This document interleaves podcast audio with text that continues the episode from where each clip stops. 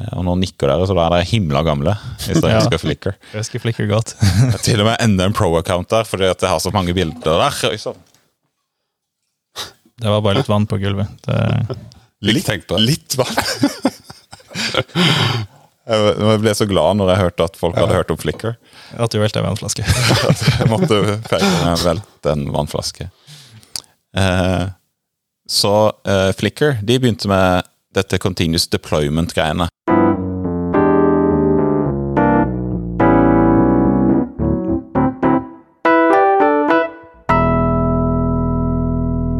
Velkommen til en ny episode av Egderøret. I dag har vi eh, temaet DevOps, og vi skal snakke om DevOps på norsk. Vi skal prøve å dra et buzzword litt ned på et mer forståelig nivå. Og i dag har vi med oss Jeg heter Øyvind Brekkhus Anokar. jobber litt med utvikling og slike ting i Egde, og kan dette DevOps-buzzwordet litt. Ja, og jeg er Knut Festerål. Jeg eh, jobber med forretningsutvikling og kan veldig lite om dette buzzwordet DevOps. Så jeg, jeg er her for å stille alle de folkelige spørsmålene. Og jeg heter Magnus Finseth, jobber mest med prosjektledelse. Kan kanskje bitte litt mer enn Knut, men ikke særlig mye mer. Så la oss begynne med Øyvind. Kan du forklare oss uh, hva er DevOps? Nei, det kan jeg ikke, eh, fordi det er veldig subjektivt. Um, så i gamle dager så utvikla vi programvare, og vi var delt inn i avdelinger som eh, eh, kan kalles utvikling. Og det er dev, development. Utviklingsavdelinger. Ja. Og så hadde vi en annen avdeling. Vi hadde flere andre avdelinger, men eh, ofte innunder IT så hadde man da en operationsavdeling, eller en driftsavdeling. Og de sørga for at applikasjoner kjørte, andre tjenester man hadde internt kjørte, nettverk funka, sånne ting. Og så hadde man ofte et eh, datasenter stående eh, i et rom eller en kjeller. Eller man leide av noen. Dette var før skyen ble en sånn skikkelig ting. Og det er egentlig eh, de to delene av DevOps, Dev og Ops. Og så prøver man nå å flette de mer sammen. Mye på grunn av at eh, man må ha en annen type operationsavdeling nå, nå som man har denne skyen tilgjengelig. Så jeg tror det egentlig er en eh, Ja, det blir en eh, naturlig overgang, siden man begynner å bruke nye teknologier og sånn. Så må man finne et nytt ord som ikke er det samme som det gamle. Men er det en organisasjonsform? Og det er det noen som mener det er. Eh, Jeg er nok ikke den som mener det er det. Jeg mener det er mer en sånn kultur i et selskap. Så du eh, Du blir tvunget til å ta et helhetsansvar for applikasjonene dine, f.eks. Fra du begynner å tenke på hva dette skal være, til hva det blir i produksjon. You build it, you run it. Ja. Og hvis det feiler, så er det ditt ansvar å fikse den feilen, for det er du som har laget den, eller i hvert fall det teamet du er på. Så det er mer en sånn uh, kultur enn en organisasjonsform. Uh, men uh, sånne folk som Knut, da, som driver med litt sånn utvik... Eller sånn tenker litt organisasjon og struktur på selskaper og sånn, så er jo eh, kanskje kultur noe av det verste å jobbe mot. Fordi at det, uansett hva slags strategi man legger i et selskap, så kommer den kulturen, og så spiser det opp. Eh, så hvis du Det er jo helt fantastisk å jobbe med kultur. Hvis du får, liksom, får det til, så er det det motsatte. Men det tar jo veldig lang tid å endre en tradisjonell IT-organisasjon fra å være disse siloene til å forstå at man skal jobbe mer sammen. Eh, Så det, jo, det går ikke egentlig an å forklare eller si hva DevOps er, sånn som jeg beskriver eller tenker på DevOps, fordi at det er mer en eh, kulturgreie. Men jeg har jobba i selskaper hvor jeg fikk beskjed om å ansette en DevOps-engineer. Og det fant vi når vi søkte etter det. Så det må jo være noen som tenker helt annerledes på det enn det jeg gjør. Så det har jeg jo forstått at eh, det må jeg bare akseptere. Hva var det dere søkte etter når dere søkte etter en DevOps engineer? Da søkte vi etter en senior DevOps engineer.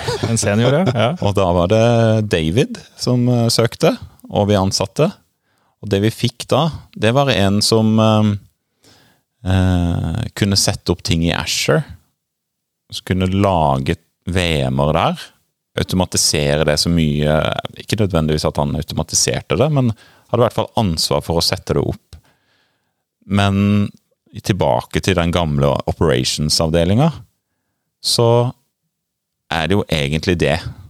Du har ansvar for maskinene, og så er det noen andre som har ansvar for programvaren. Så det er egentlig bare at man ikke skal ha en gammeldags driftsorganisasjon. Og med gammeldags så tenker man kanskje på de som eh, kjøpte inn maskinvare, satte opp i, en, i et datasenter. Mer en sånn sysadmin-type enn en DevOps eh, som man nå får, da. Mye ord her, da.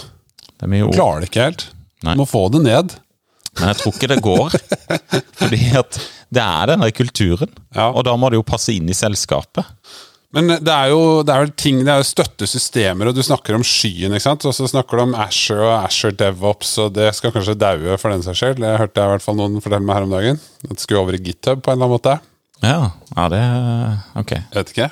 Eh, og så Men eh, hva er det Hvis det er kultur, og det er, er det prosesser og systemer og verktøy og metoder og sånn også, eller er det Ja, det er jo egentlig det. Men da da kommer jeg til å forklare ting som ikke du helt skjønner bæret av. Men jeg kan prøve å forklare det til Magnus, da. kan Magnus forklare det til meg? Fordi at uh, i, når du begynner å skrive kode, og du har liksom fått noen konkrete krav inn fra Du har kanskje gjort et innsiktsarbeid i begynnelsen, og så funnet ut av hva kunden egentlig vil ha, og så begynner du å lage det. Og da begynner en utvikler å få litt ansvar for det, og begynner å skru på noe bits og bites og noe greier. Og så når han er ferdig med å lage det, så sender han det inn i noe kildekodesystem. For eksempel GitHub er jo et sånt system, eller Asher DevOps er et annet, Bitbucket, og du har mange sånne ting. Eh, og så kjører det automatiserte tester på det, for å sjekke om de der vanlige feila eh, ikke er der. Sånn, ok, når jeg ber om en ting, så skal jeg få det tilbake på det og det, den og den strukturerte måten, uten at du egentlig Ja, som det vi kaller unitester, da, i vår verden. Eh, og det, det med at du eh, Den første delen av å komme mot produksjon der, det kalles ofte continuous integration, eller CI, eller en CI-pipeline. Og det er liksom noe som eh, som man må kunne forstå, sånn som jeg ser det, for å kunne forklare hva DevOps da egentlig er en del av. Så da driver du og tester koden din, og det er, det er en sånn continuous integration-bit, som betyr at du eh, Utvikleren har eh, i hvert fall testa det godt nok. Og så kommer du over på en annen bit av den eh, pipelinen for å komme mot produksjon, som kalles eh, continuous delivery. Og det betyr å være i stand til å alltid kunne deploye koden din. Så den skal være på en måte self-managed, og du skal være i stand til at den kan deployes til produksjon når som helst.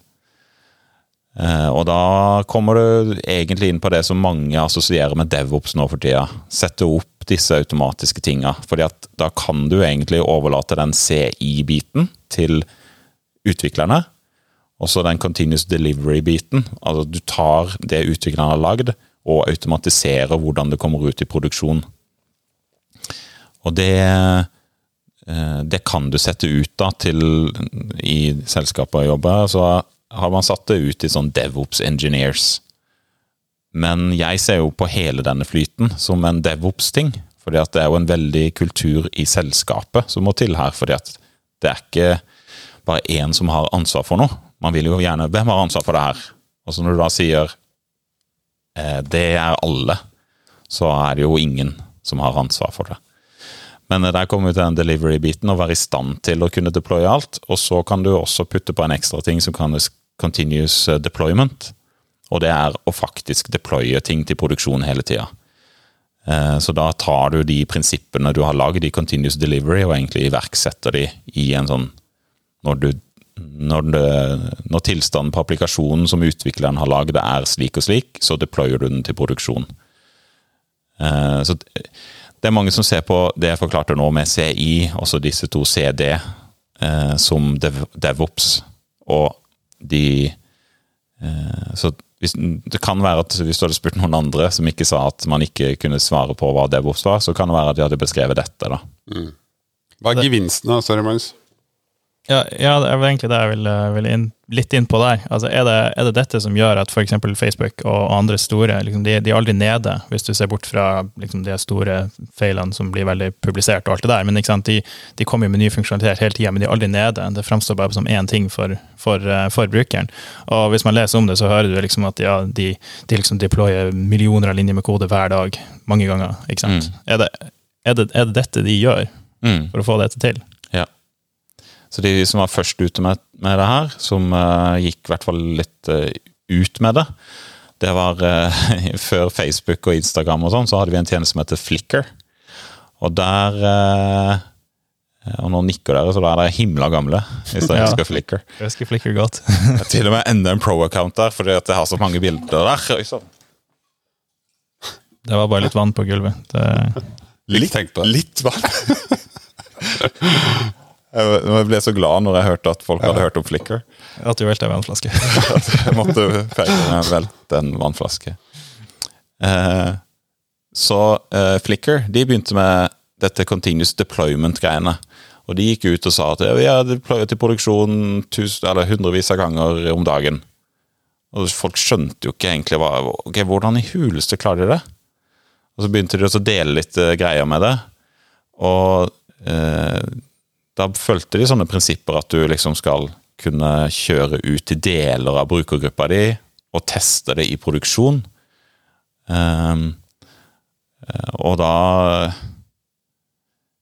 Det var liksom en helt ny måte å tenke på, som fikk andre til å forstå at ja, men dette er jo en måte å fikse eh, en sånn type test, eller en test, da, egentlig, så man det mye på. Men eh, Men hva er, hva er gevinsten her altså for virksomhetene? Er det, hvor, er det, hvor er det det er penger hen? når en utvikler eh, sitter og lager noe, og i noen virksomheter så kan det ta opp mot et halvt år før man har lagd det til det kommer ut. Fordi at det må testes. Eh, kunder må akseptere det. Eh, du må eh, la Ja, egentlig mest det. Og eh, når da det tar et halvt år fra noe blir lagd til det kommer ut, så kan det for det første være for seint. Eller det er ikke sikkert det er eh, brukbart lenger. Eller den ideen du hadde, er det noen andre som har tatt, så de har liksom tatt det området. Så hvis du klarer å automatisere disse stega fra at en utvikler sjekker inn kode, til at det kommer ut, og overlater mye av dette ansvaret om det skal ut og sånn, til eh, mm. en eh, type produkteier eller noe sånt, så klarer man å manøvrere mye bedre i et sånn derre eh, komplekst eh, kundeleverandørmarked, da. Men er det et Jeg mistenker at det er et eller annet kryss her. At du, at du sier ehm, ja, jeg skal ta frem et eller annet eh, og bygge hele den her eh, For det høres ut som du skal rigge litt grann for å få på plass alt eh, for å kunne drive DevOps. Hvor, hvor er det på en måte DevOps lønner seg versus konvensjonell utvikling? Eller, er, eller, er det alt, eller lønner DevOps seg kanskje alltid? Egentlig gjør det jo det. Fordi på de minste prosjekter, eller minste applikasjoner, eller minste systemer. Fordi oss utviklere, eh, og det var noe jeg, jeg presenterte dette på digitalkonferansen i eh, Kristiansand for eh, en ukes tid eller noe sånt siden. Og det, det jeg egentlig ville forklare der, det var eh, at vi alltid har gjort DevOps. Det jeg fant ut, da, var at det var veldig mange unge som kom på denne konferansen. Så det satt, eh, det satt noen fra eh, netthandelen der, eksempel. som nikka veldig og skjønte hva jeg mente, at vi alltid har gjort det. Og så satt disse nyutdanna og egentlig ikke helt skjønte hva jeg snakka om. Eh, så det ble liksom en, eh, han gale fyren på scenen som eh, prøver å si at vi alltid har gjort DevOps, og så har du jobba i to år. Så, Selvfølgelig. Selvfølgelig. Fordi at det er jo disse gamle selskapene som ofte føler at de må adoptere DevOps. Ja. Men vi gjør, de, de gjør det egentlig. Det er bare den derre Ja, så du må liksom Det gjorde vi tilbake i 2007. Så gjorde vi DevOps. Fra mitt sånn, eh, Når jeg lytter, så høres det jo ut som bare den mest fornuftige måten å eh, drive utvikling på. Altså bygge små ting, eh, teste det, validere det, få det ut, kjøre det, få enda mer validering i markedet eller fra sluttbrukere. Og så bare holde på en sånn kontinuerlig strøm. Det er på en måte litt given, og spesielt i og med at sånn som du sier, med, hvis det tar for lang tid, så er jo målet er ofte eh, flytter seg jo. Ikke sant? Så hvis du skal utvikle noe stort over lang tid, så, så flytter det målet på seg. Eh, på, både pga. teknologiutvikling, men også utvikling i brukernes behov og atferd. og sånt. Ja, det har så mye å si å bare få noe ut der, liksom raskt. Og, det, og der kan det godt være at Og det er noe av den største gevinsten med sånn metodikk som dette. fordi at da kan det være at det du trodde ikke var nok, er nok. Og så stopper du med utvikling. Ja. Tenk å slippe å lage kode. Nei, dette er, jo jo ikke tungt, eh, tungt opp i smidig-verden nå, da. Og liksom innovasjonsmetodikk og hvordan du skal teste og feile fort og, og få, ting, få ting ut fort, da. Ikke bare kode, men også på tjenester og, og produkter og alt mulig rart. Mm. Spennende. Jeg føler at det sentrale det, i det du sier her nå, er, er dette CICD-begrepet, altså Continuous Integration, Continuous Delivery. At det er liksom det er den viktige byggesteinen her for å kutte ned hele den der syklustida fra et eller annet behov til å spesifisere hva problemet er, begynne å utvikle det, teste det, uh, få, det ut i, få det ut i produksjon igjen. Uh, er det rett og slett kan man, kan man si det så enkelt? At det handler om å få den der tida ned på kortest mulig tid? Ja, det er egentlig det er mye av det. Men så kommer jo disse organisatoriske tinga, sånn som for eksempel Man er kanskje vant med å ha et uh, change advisory board i en organisasjon som sier ja til alle endringer som skal ut. Uh, så du liksom, må liksom innom KAB da, før du kan få ting ut i produksjon. Og da trenger du kanskje å eh, lage noe mer oppå dette CICD-greiene, som gjør at den KAB-tingen enda har en funksjon, da. Kanskje du må putte på et lite flagg som sier KAB har godkjent denne tingen.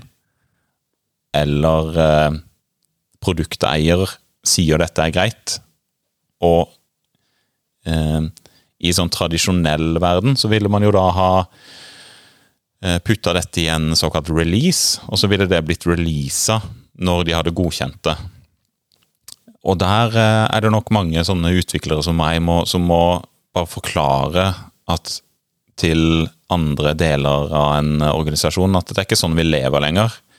Eh, Vi, vi kan deploye til produksjon hele tida. Vi kan være sånn som Flickr, som, og de var det i 2009, liksom. Vi kan være sånn at vi deployer hele tida, men vi kan skru av den funksjonaliteten.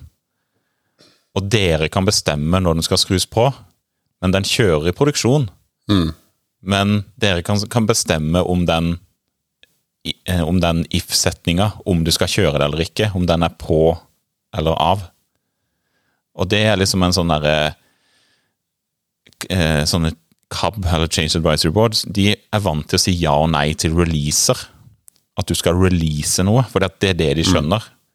Men det du egentlig sitter med, er bare et Excel-ark over hvilke funksjonalitet som skal være av og på. Og så kan du skru det på f.eks. bare for én person. En utvikler som skal demonstrere noe. Så kan han like så godt demonstrere det i produksjon. Eller en produkteier som skrur det på for én kunde.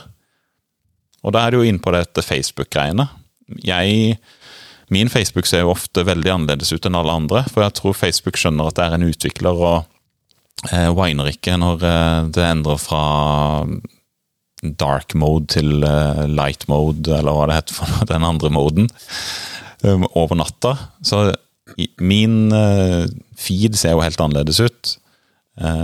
Jeg er tydeligvis gruppert i den kjedelige gruppa, for jeg leser om alle endringer på Facebook, men det er ingen forslag som jeg før lenge etterpå. og da eh, De bruker jo de teknikkene, da, egentlig. Altså, det kalles ofte canary deployments, hvor du i gruver sånn, ut en liten kanarifugl, og så ja. piper den eh, at alt er greit. Hvis det ikke pipes, så er det kanskje ikke så greit. Hvis den er daud, så er det ikke greit. Det var det greia. tom, for, tom for luft. Ja. Ja, for det, det blir jo sikkert litt vanskelig etter hvert hvis du har et større produkt eller et større selskap som, som leverer ting. Altså Hvis du har noe lite der alle kjenner alle, så er jo på en måte alt sånn endringer Det blir jo bare en liten gruppe som egentlig snakker om det hele tida. Men med en gang det blir litt størrelse på ting, og du, og du får en, en situasjon der eh, hvis, hvis du kommer med nye ting inn i produksjon hele tida, som er av en sånn art at du egentlig bare du bare flikker litt på småting. Uh, altså Sammenlignbart med hvis du bare går og strammer noen skruer her og der, i et eller annet, så, så gjør de bare småting. Da er det jo ikke noe stor endring. Men hvis du sier ok, vi skal, vi skal bytte, bytte farge på hele denne veggen, så er jo det en mye større avgjørelse. Hvordan er det man takler de situasjonene der, i, i en sånn, sånn virkelighet, på en, på en bra måte? Altså der man, der man For man har jo et visst behov for litt kontroll med hva som skjer, ja. Men samtidig så må man jo ikke komme i en situasjon som, som du beskrev i stad, der det å godkjenne endringer blir en, en svær sak som, som ødelegger hele effekten. Da er vi inne på en sånn eh, I denne verktøykassa kalt DevOps eller eh, sånn, så, så er det et sånn konsept som kalles eh, feature flag, som egentlig er det Eller feature toggling kan det også kalles. Som ofte kan ses på som en sånn som en sånn switch du skrur av og på. Og den kan du putte på inni koden din. Eh, som kan bety at du skal gå mot ett type API noen ganger, et annet type API andre ganger. Så kan du også putte det på load balancer-nivå, f.eks. Som sier at eh, 10% av brukerne mine skal treffe denne tjenesten, som da bytter ut f.eks. farge på en vegg. Eh, eller et, eh, ja, en annen type front-end design, eller noe sånt. Og så det, det er det som kan få deg til å deploye det sånn gradvis, f.eks., og sånn Canary deployments funker på den måten.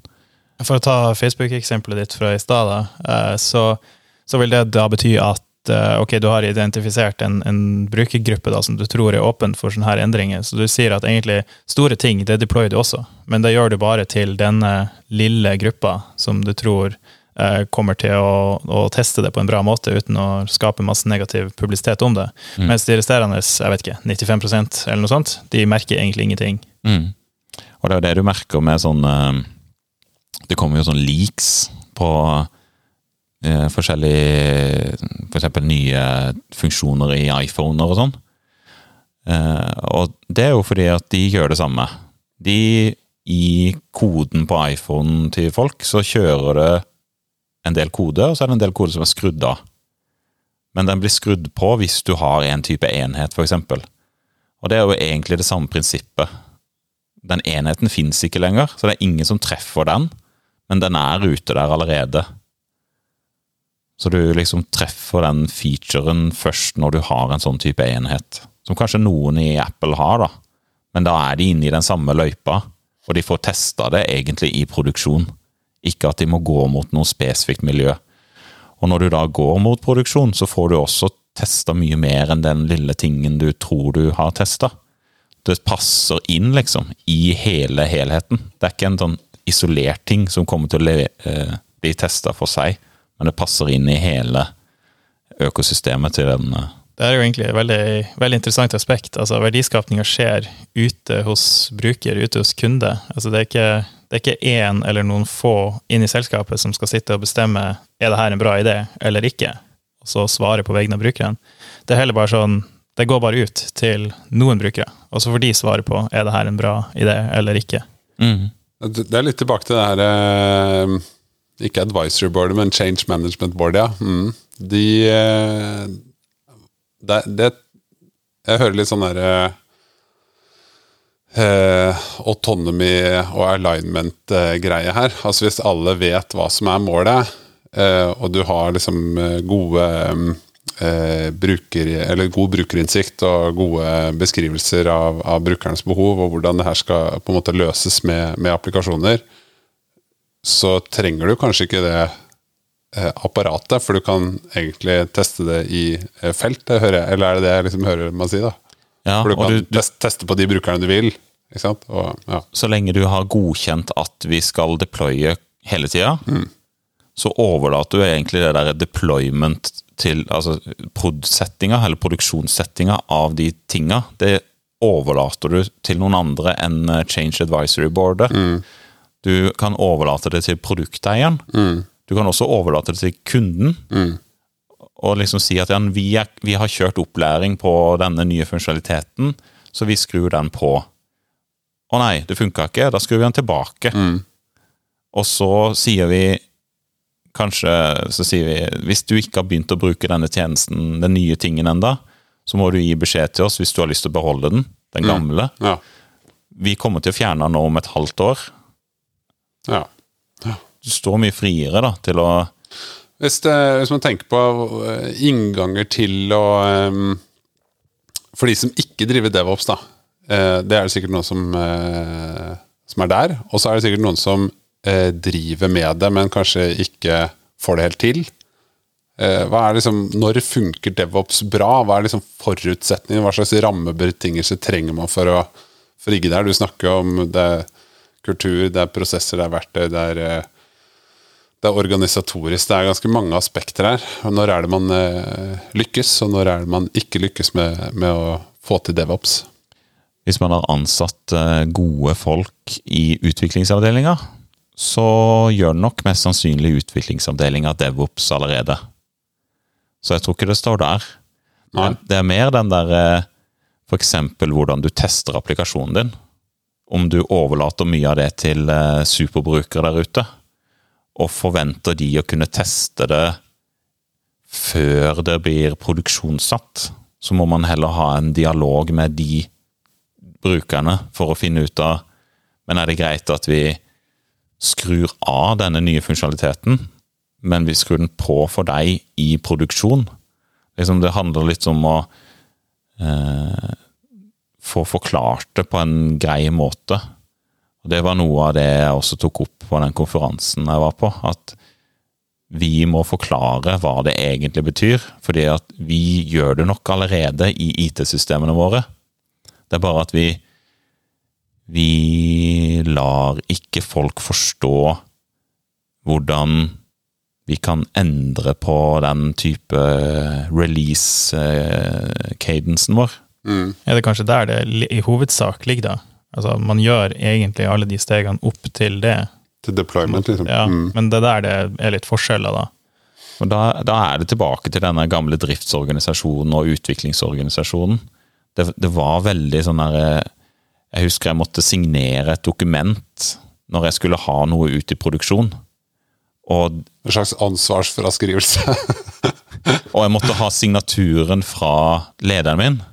Og jeg måtte gå inn med det arket til en annen avdeling for å få ut den endringa mi. Måtte du sveive i gang eh, svinghjulet òg, liksom? Eller hvordan Nesten. Hvor, gammel, hvor, gammel, hvor lenge siden er det her?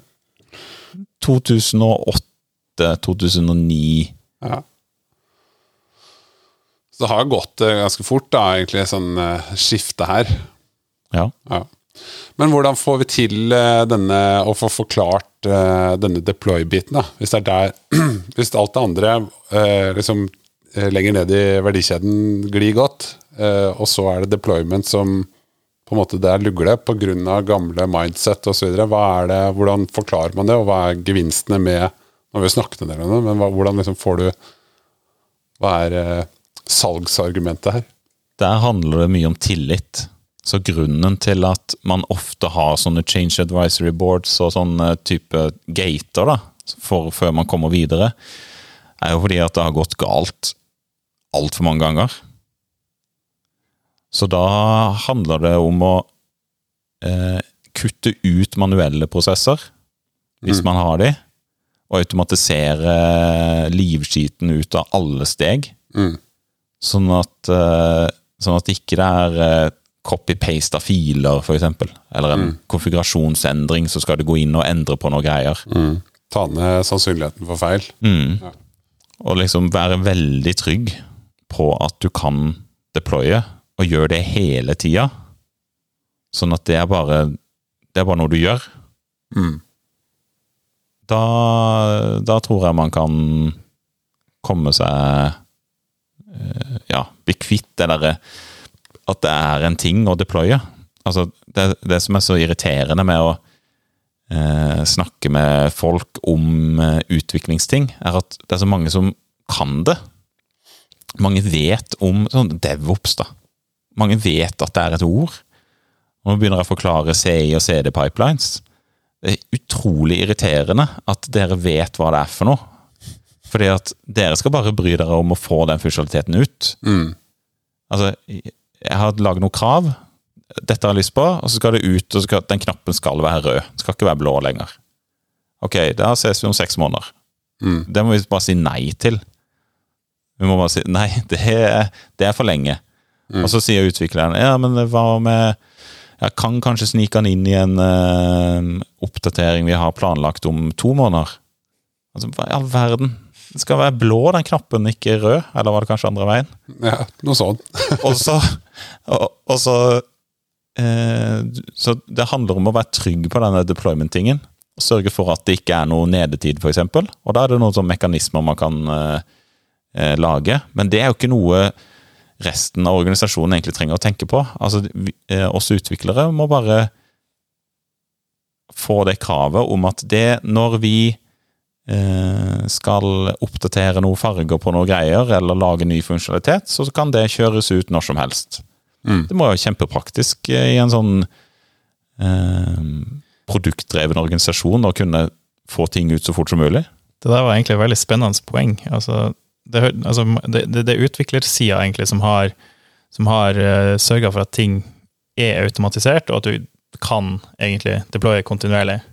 Eh, mens på forretningssida er det kanskje mer variert hvordan man håndterer det. da.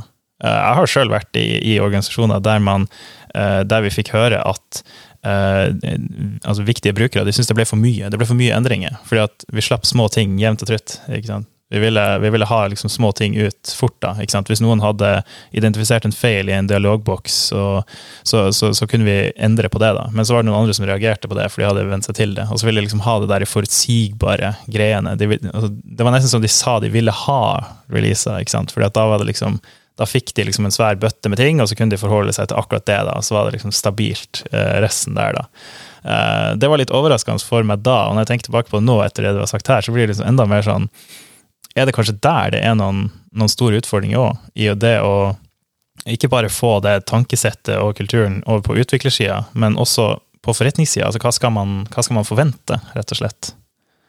Og der det er den der eh, svaret på å ha den tryggheten og ikke ha de kontinuerlige endringene hele tida, der kommer det der feature flag-begrepet inn. Mm. Som betyr at jeg de- deployer hele tida. Jeg har flagga den nye funksjonaliteten med en ting, så alle plassene hvor den nye funksjonaliteten vil endre på noe, om det er et kall mot et API, om det er noe utseendegreier, så putter jeg inn den tingen, og så går han mot det gamle helt til noen har lyst til å teste det nye. Og det kan være én bruker, det kan være en hel organisasjon, en hel kundegruppe. Det kan være alle. Men det overlater du til noen andre. Og så er du som utvikler trygg på at det funker, og så overlater du de endringene til forretninga. da. Jeg synes det, jeg tenkte bare, fikk en sånn refleksjon. Hvis, hvis du eh, får disse oppdateringene jevnt og trutt, så kan du som bruker også oppleve at du blir på en måte, du er forsøkskaninen. da. Og det er jo en sånn tillitsgreie Ja. som er ganske, det er nok ganske fascinerende. Så det, det er noe å tenke på det òg. For det er ikke, vi er jo ikke vant til veldig få ting i livet som er, liksom, blir kontinuerlig bedre. Sånn av ting vi liksom jobber med i hverdagen. Det er jo, Du kjøper deg en ny bil.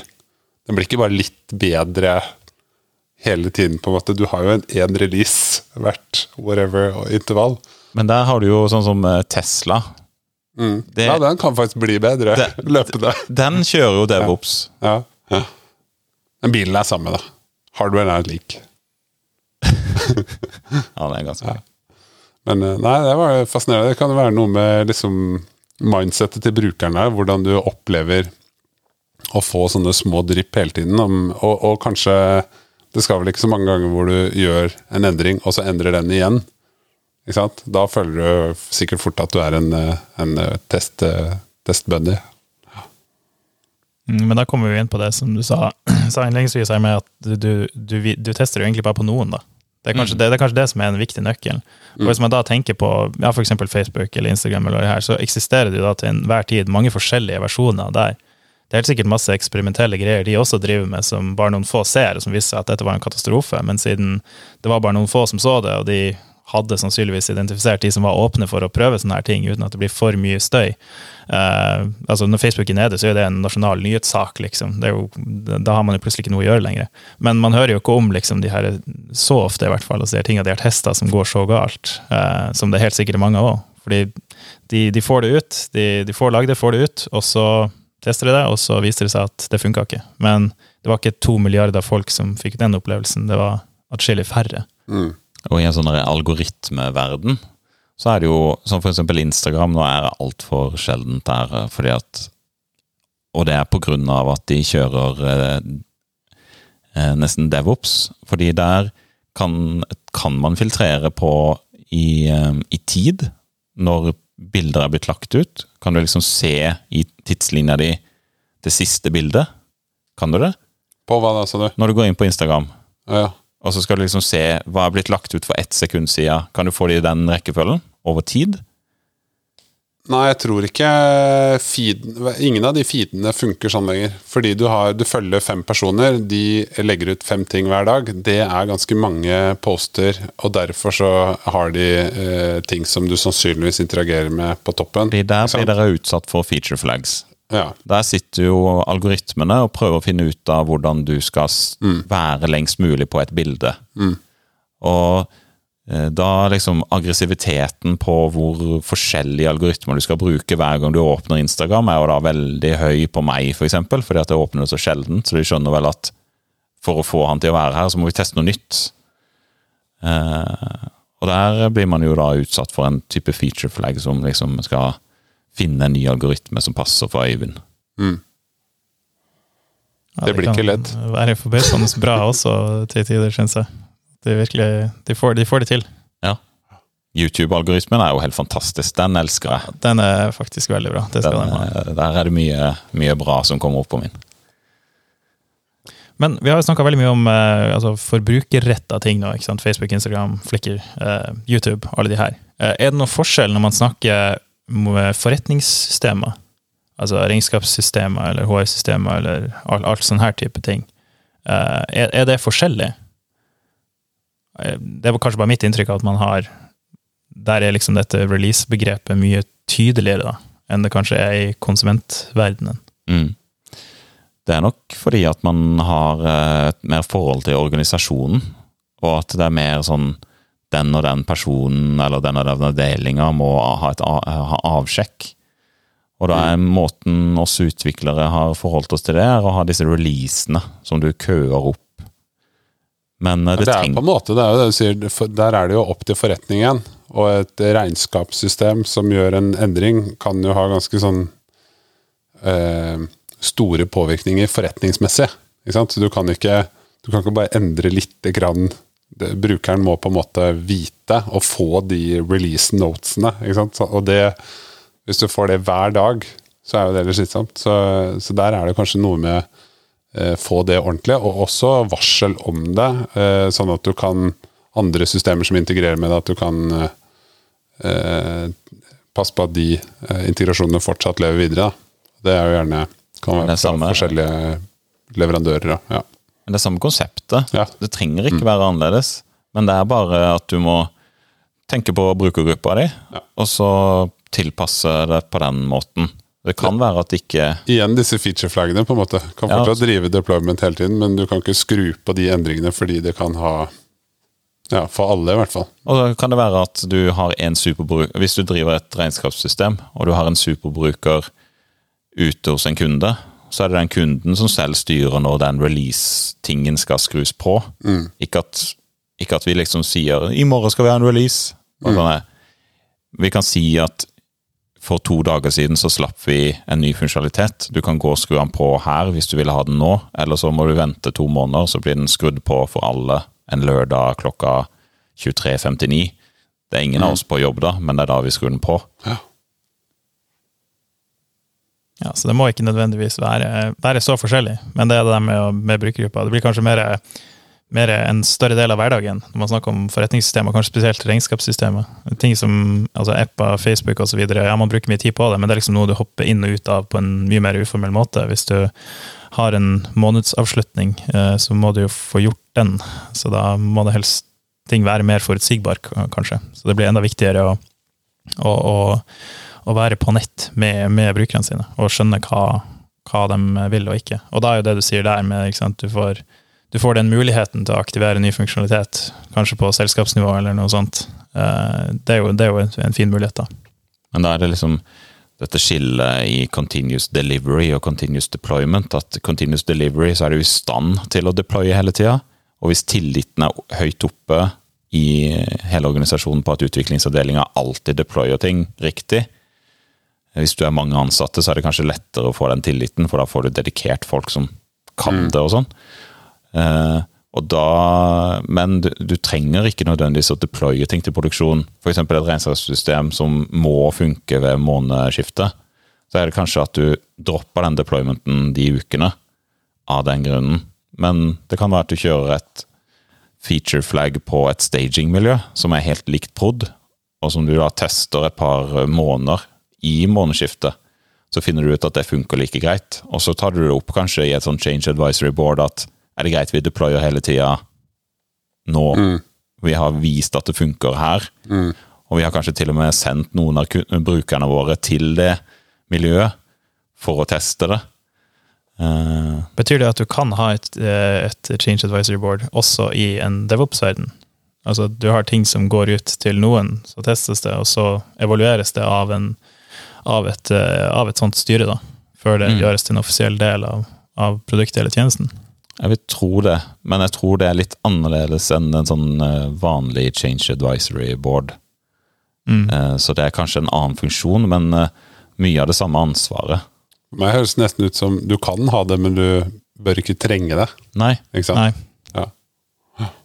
men så er det jo, dette er jo interne applikasjoner. Så kan det jo være at databaser og sånn trengs noe annet, fordi at da er du jo avhengig av en tredjepart som leverer noe til deg. Så der kan det jo være at du trenger et sånt change advisory board for å si det har kommet en ny versjon av SQL-server fra Microsoft. Skal vi oppgradere til den? Det oss, eh, gjør at vi trenger ikke så mye maskinvare, for den er eh, billigere i drift eller noe.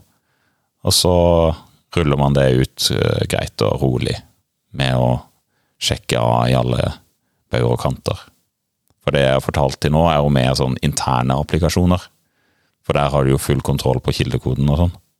For helt sånn spesifikt, da. Er det noe sted man absolutt ikke skal bruke DevOps? Kanskje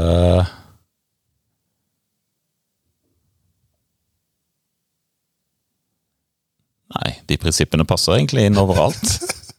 Men det er den kulturen. At hvis, det, hvis organisasjonen er veldig avhengig av å ha sånne avsjekker, f.eks., så, så burde man ikke prøve å kalle det DevOps. Kan kalle det noe annet, og så kan IT-avdelinga seinere si at ja, det er sånn vi har gjort det de siste fem åra. Ja. ja. For du, du kan jo fortsatt drive releaser. Du bare har en utrolig mye mer strømlinjeformet eh, prosess eh, frem til sluttbrukeren. Og det må jo ikke være release hver sjette måned heller. Nei. Det kan jo være oftere enn det. Ja. Ja, Hvis vi skal prøve å gjengi nå, Knut, etter å ha snakka med Øyvind en stund her, så prøv å gjengi hva er det Øyvind har snakka om her, da. Nei, øh, han har sagt øh, at DevOps er øh, kultur. Jeg hører at det er liksom en strømlinjeforming av det å utvikle, teste, ja, deploye, jeg vet ikke helt hva det er, og release. Eh, og, og det er egentlig sånn man bør gjøre. Overalt. Det er best for alle. Og så har du i, på forbrukersida eh, i noen tilfeller behov for å stykke opp eh, releasene, så du får, får liksom porsjonert ut. Og i andre eh, applikasjoner så kan dette her dryppe hele tiden, hele døgnet, alle dager, eh, og det går fint. Så eh, nå er, jeg, nå er jeg mye klokere. Ja, jeg også. Jeg syns det var veldig spennende, rett og slett. Og det der med det, Du sa kultur veldig tidlig, Øyvind. Liksom, jeg, jeg, tror jeg skjønner det mye bedre nå. For det er liksom ikke bare de gode verktøyene for å automatisere mest mulig av utviklings- og, og deployment-prosessen uh, ut, ut, til produksjon, men det er også å legge til rette for at du kan utnytte det til det maksimale. Det må, man må nødvendigvis tenke annerledes enn nå skal vi liksom godkjenne alt i hvert ledd, og så skal vi godkjenne endringer, så skal vi godkjenne store endringer, og så skal vi ha svære releaser og alt det der, og så, og så videre. Så det, det, er både, det, er både, utviklerdelen av organisasjonen, men også, også faktisk brukersida må mm. på en måte være ikke tilpassa, men den, det, det, må passe med den også. Så det, er mm. ikke bare noe, det er ikke bare sånn at du liksom eh, setter opp, eh, setter opp noen pipelines, for å bruke et ord, da, og så, og så blir det sånn. Det er en mye større, større greie enn det. da. Eh, men det egentlig morsomste for meg, som kanskje sitter nærmere forretningssida all den tid jeg jobber med prosjektledelse og ikke er utvikler, så veldig, gikk det noe lys opp for meg i, i, i, at det er faktisk der også en, en stor del av dette må, må skje altså i forventningen som skapes der, i hvordan man forholder seg til, til, til brukersida der, og gjør det på en, en god måte eh, som gjør at det ikke oppleves som at ting endrer seg hele tida, og så skjønner man ikke hvorfor. Eller på den andre sida, ting endrer seg én gang i året, og det er altfor sjeldent. Og, eh, og, og, der er det mye, mye spennende som man kan gjøre, helt klart. Så du sa jo at organisasjoner eh, gjør egentlig DevOps allerede, mange. Men hvorfor, hvorfor, snakker man om det nå? Og hva er det, hva, er det, hva, er det, hva tror du er det viktigste mange organisasjoner kan gjøre for å komme et steg videre? Man snakker nok om det nå pga. at man ser at Facebook er forskjellig hos forskjellige brukere. Og så er det noen som har begynt å lure på hvorfor det. Og så er det noen som har kommet opp med noen ord som har blitt mer og mer eh, eh, eh, dagligtale. Eh, det er en bok fra eh, et selskap som heter Thoughtworks, og der det, snakker de om eh, sånne ting som eh, refactoring, blant annet. Det slo ikke an. Så prøvde de med continuous integration. Det slo ikke an. Nå, I dag skjønner jeg jo hva det er for noe. Og så eh, begynte de å snakke om eh, eh, På 2009 så begynte de å snakke om continuous integration og continuous delivery og continuous deployment. Nei, det slo ikke an. Men så kommer DevOps. Og så begynner man å lete etter DevOps engineers. Og så Du skjønner det er populært når du i tillegg kan begynne sånne ting å kalle ting ML-ops og AI-ops og Stratt-ops. Data-ops. No-ops er også blitt noe. Så det der ops-greiene, det er bare snakk om uh, ord. Bare ha flaks med at det treffer. Så det er bare helt uh, random at det kommer nå. Man har, alltid, man har alltid gjort det. Så ordet kommer nå, eh, ja. men prosessen har vært der hele tida? Ja. Og nå får man eh, da kanskje et nytt uh, verktøy i den utviklerverktøykassa, og så sier ja, vi må følge DevOps. Og så sier alle, f.eks. Knut, jeg må forstå hva DevOps er, alle vil ha lyst på det. Ja, kjempegreit. Eh, jeg skal fortelle hva DevOps er. Det er det vi har gjort i alle år. Og det er dette. Å ja, det må vi gjøre. Ja, vi gjør det jo. Vi må gjøre det mer. Vi må gjøre det mer. Og ta mer betalt. Ja, ja der har du det. Men eh, det, det er jo det som er sånn kjipt da for deg, Knut, er at egentlig så har jo alle det allerede. Ja, men det spiller ingen rolle for meg. Det gjør ikke? Nei, okay, det, det, det, det, kommer jeg meg rundt. Ok. ja, veldig bra.